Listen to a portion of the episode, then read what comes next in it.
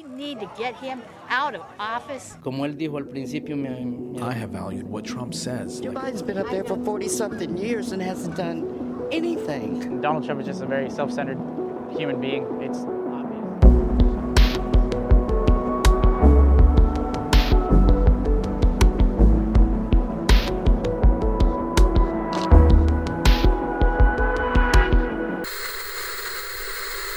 Hai, saya Rifan Dwi Astono. Kamu sedang mendengarkan BTS Gedung Putih.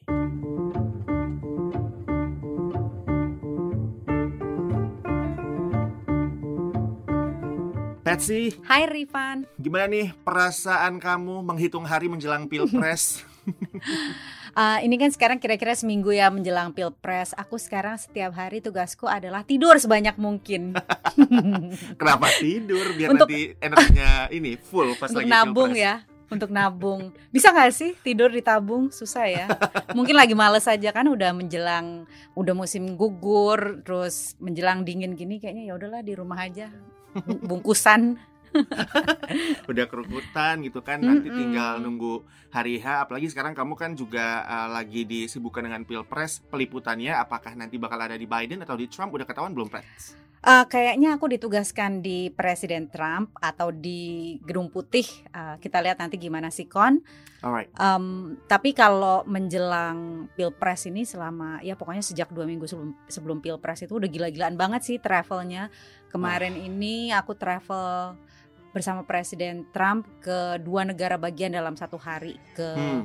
New Hampshire, Hello, New Hampshire. It's great to be with you in this beautiful terus habis itu ke Maine. Ini kampanye ya dua-duanya. Pokoknya Presiden Trump lagi rajin banget kampanye. Kadang-kadang dalam sehari bisa tiga negara bagian dia uh, melanglang untuk kampanye dan Joe Biden juga begitu meskipun ya beda ya stylenya yang satu kampanye dengan pengumpulan massa besar-besaran sementara Hmm. kalau Joe Biden lebih kecil terus ada penjagaan jarak terus uh, protokol kesehatan lebih diperhatikan dan sebagainya Ya, apalagi ini udah tinggal beberapa hari menjelang puncak pilpresnya ya. Kenapa kita sebut puncak? Karena sebetulnya orang-orang udah pada mulai nyoblos dari jauh-jauh hari ya, Pets ya, karena ada Mm-mm. sistem early voting itu di tengah pandemi ini. Nah, kita Iya. Di episode yang ini kita pengen ngomongin soal peta politik atau peta pilpres terakhir sebelum puncaknya itu tanggal 3 November.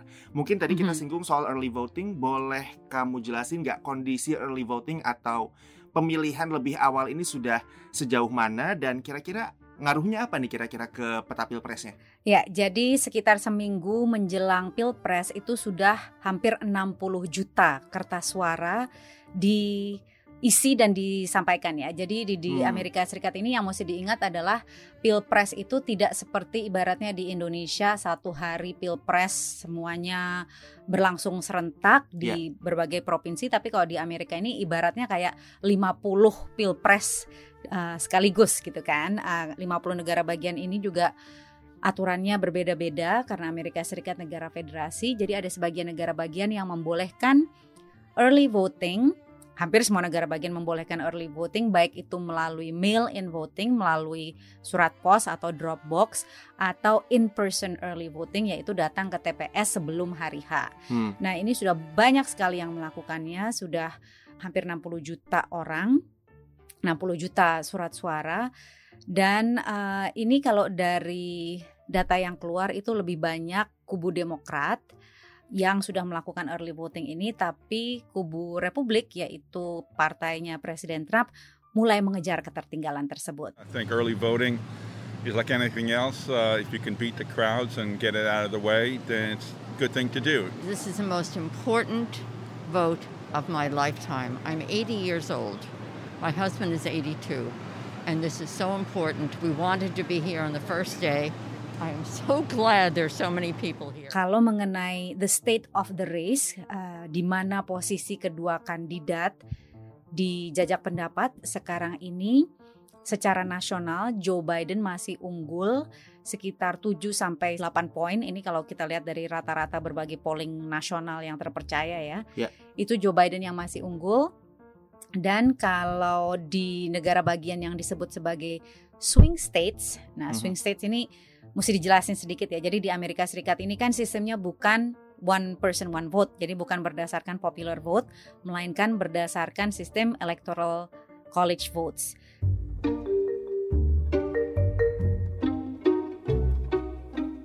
Jadi dari total 50 negara bagian di Amerika Serikat itu setiap negara bagian diberikan sejumlah electoral college votes berdasarkan jumlah populasi. Yes. Jadi misalnya dalam satu negara bagian nanti yang menang di situ adalah let's say Presiden Trump, Mhm. maka ke seluruh jumlah electoral votes dari negara bagian tersebut diberikan ke Presiden Trump. Ini berlaku untuk semua negara bagian kecuali dua, yaitu Maine dan Nevada.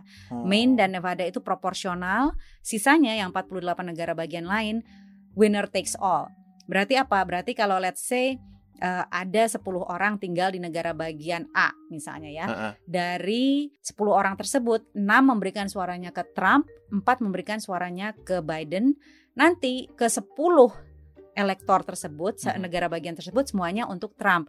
Jadi kasarnya 40% orang yang voting untuk siapa pun kandidat yang tidak menang itu hangus Nggak suaranya. dihitung ya berarti ya, kayak sia-sia Iya. gitu suara mereka. Ya, itu kan yang selalu dikritik oleh mereka yang merasa bahwa sistem electoral college Amerika Serikat ini tidak mencerminkan demokrasi yang sebenarnya karena Hmm. di 40 negara bagian tersebut sistemnya winner takes all.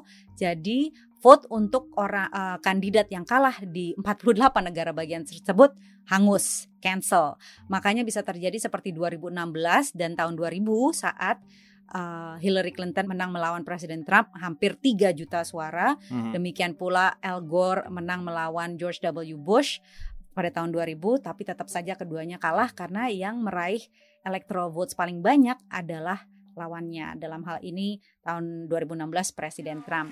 I know we have still not shattered that highest and hardest glass ceiling, but someday someone will, and hopefully sooner than we might think right now. Formulanya dari 538 electoral college votes total di seluruh 50 negara bagian Amerika Serikat, seorang kandidat harus mencapai minimal 270.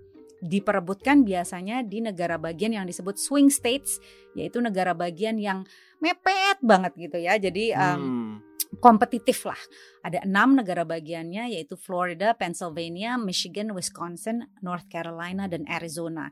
Itu yang masih uh, tanda tanya apakah akan ke Trump atau Biden dan jumlah electoral votes-nya besar antara 10 sampai 39 dan kalau di total dari enam negara bagian tersebut ada 110 electoral votes. Jadi lumayan tuh kan men- untuk mencapai 270 uh, Iya. negara bagian tersebut penting.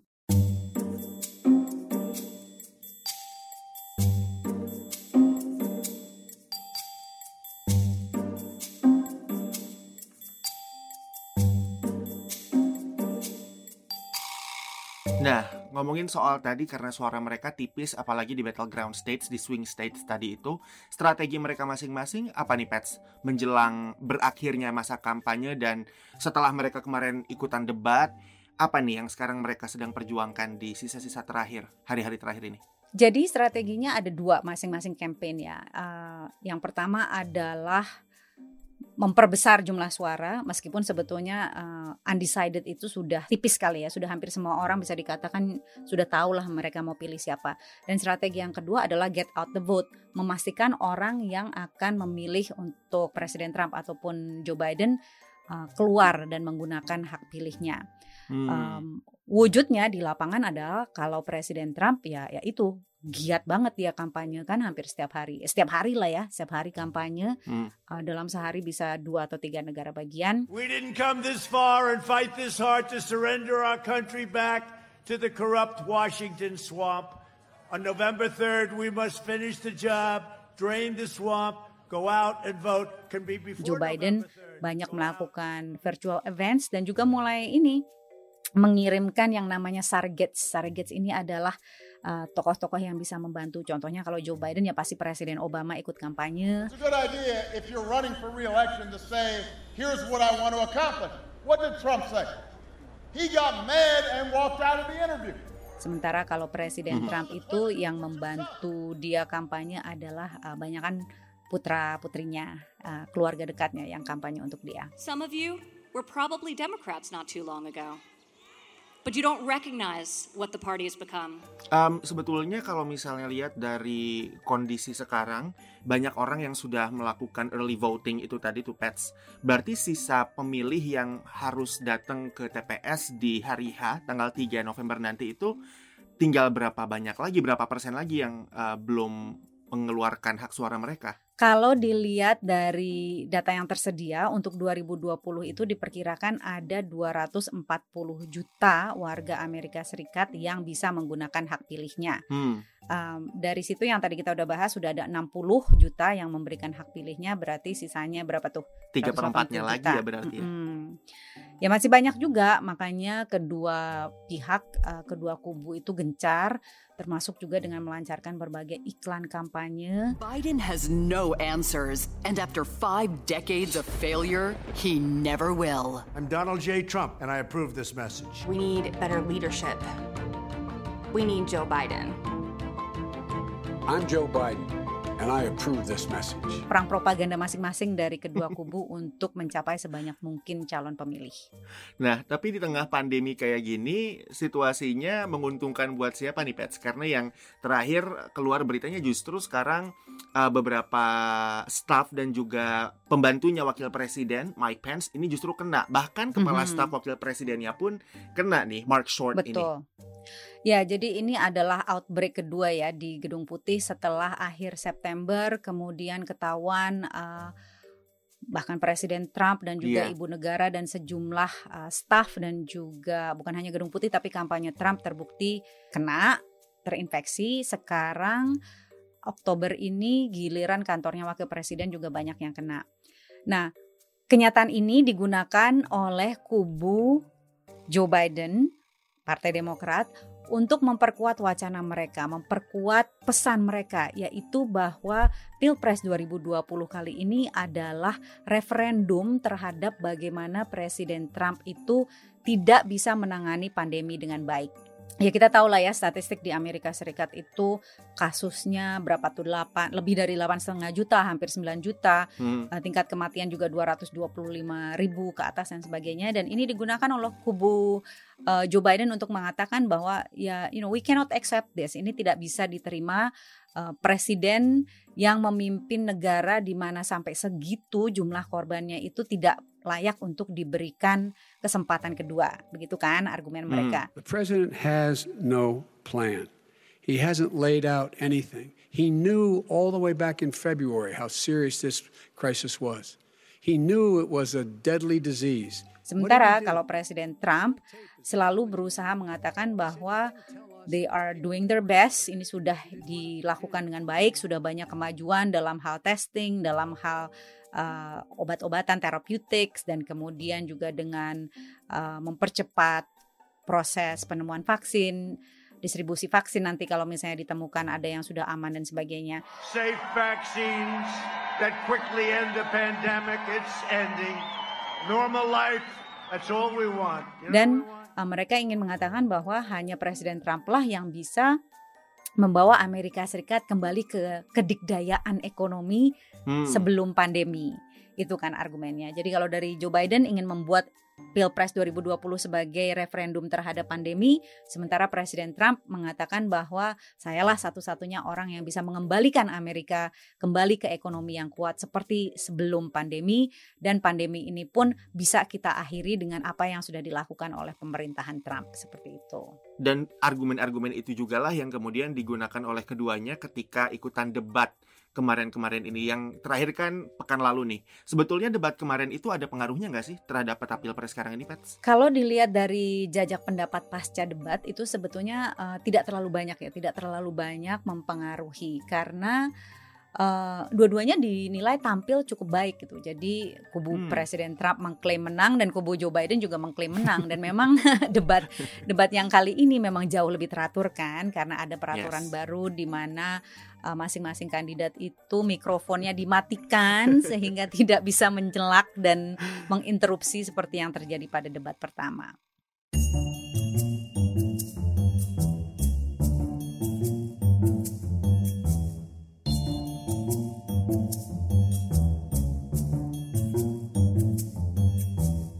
Mungkin ini pertanyaan terakhir sebelum kita nanti ketemu lagi di episode pasca Pilpres. Sebetulnya suasana kebatinan masing-masing kubu, baik di kubunya Joe Biden maupun kubunya Trump, kayak gimana sih Pat? Sekarang kamu kan juga meliput kedua kubu nih. Mhm.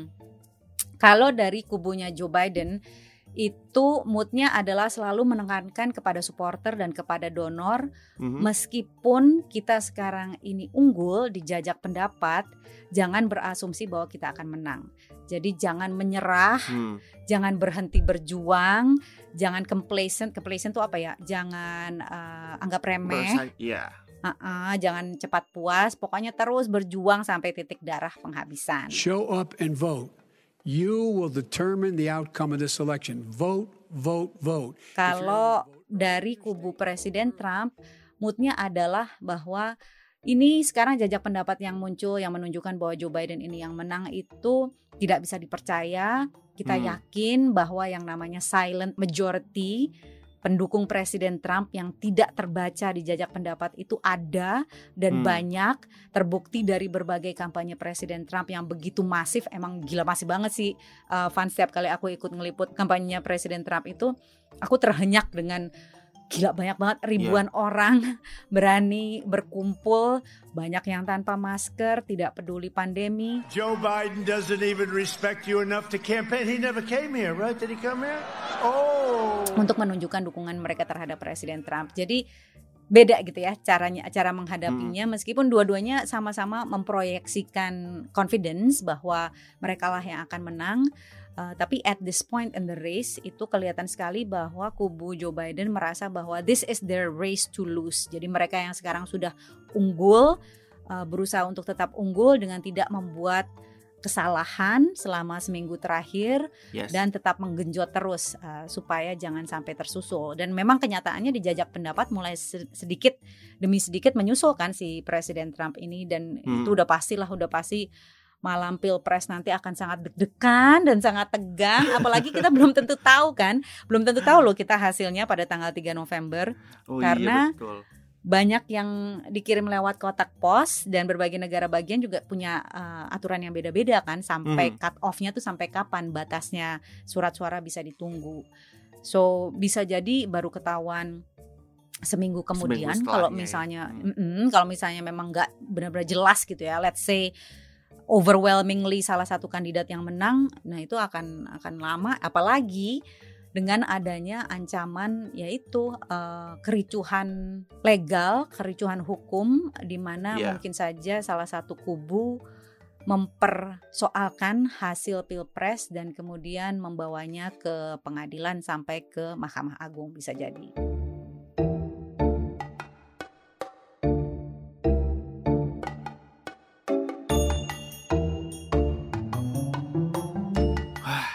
Iya kita doain aja deh semoga pilpresnya lancar. Amerika Amin. mendapatkan presiden yang terbaik untuk Amerika Serikat. Amin. Ya, dan yang sesuai dengan mandat rakyat. Amin. Betul. Dan untuk sekarang aku membiarkan kamu istirahat dulu, Pets, menjelang Kamu nggak mau ngasih aku ini, nggak mau kasih aku iming-iming kalau misalnya nanti setelah selesai pilpres, ayo kita tumpengan. Kamu mau ngajak aku makan malam sama istrimu gitu dong. Ayo, kit- aku undang langsung ke apartemenku, kita langsung makan-makan. Nanti kita Oke. bikinin makanan-makanan Indonesia. Aku makan Makanan bikinin Sunda ya? cuanki mau ya? Cuanki. Ap- apa itu cuanki? Nah kan nggak tahu kan? Nanti deh kita kasih lihat kayak gimana. Oke, Pets. Kalau gitu selamat beristirahat dan selamat bersiap-siap untuk Pilpres 3 November mendatang. Sip, amin. Thank you Rifan juga ya. Kamu juga bakalan sibuk kan nanti. Good luck.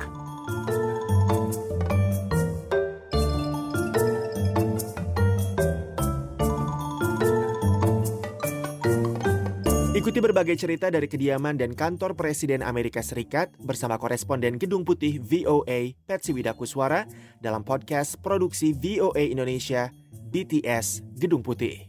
Sampai jumpa.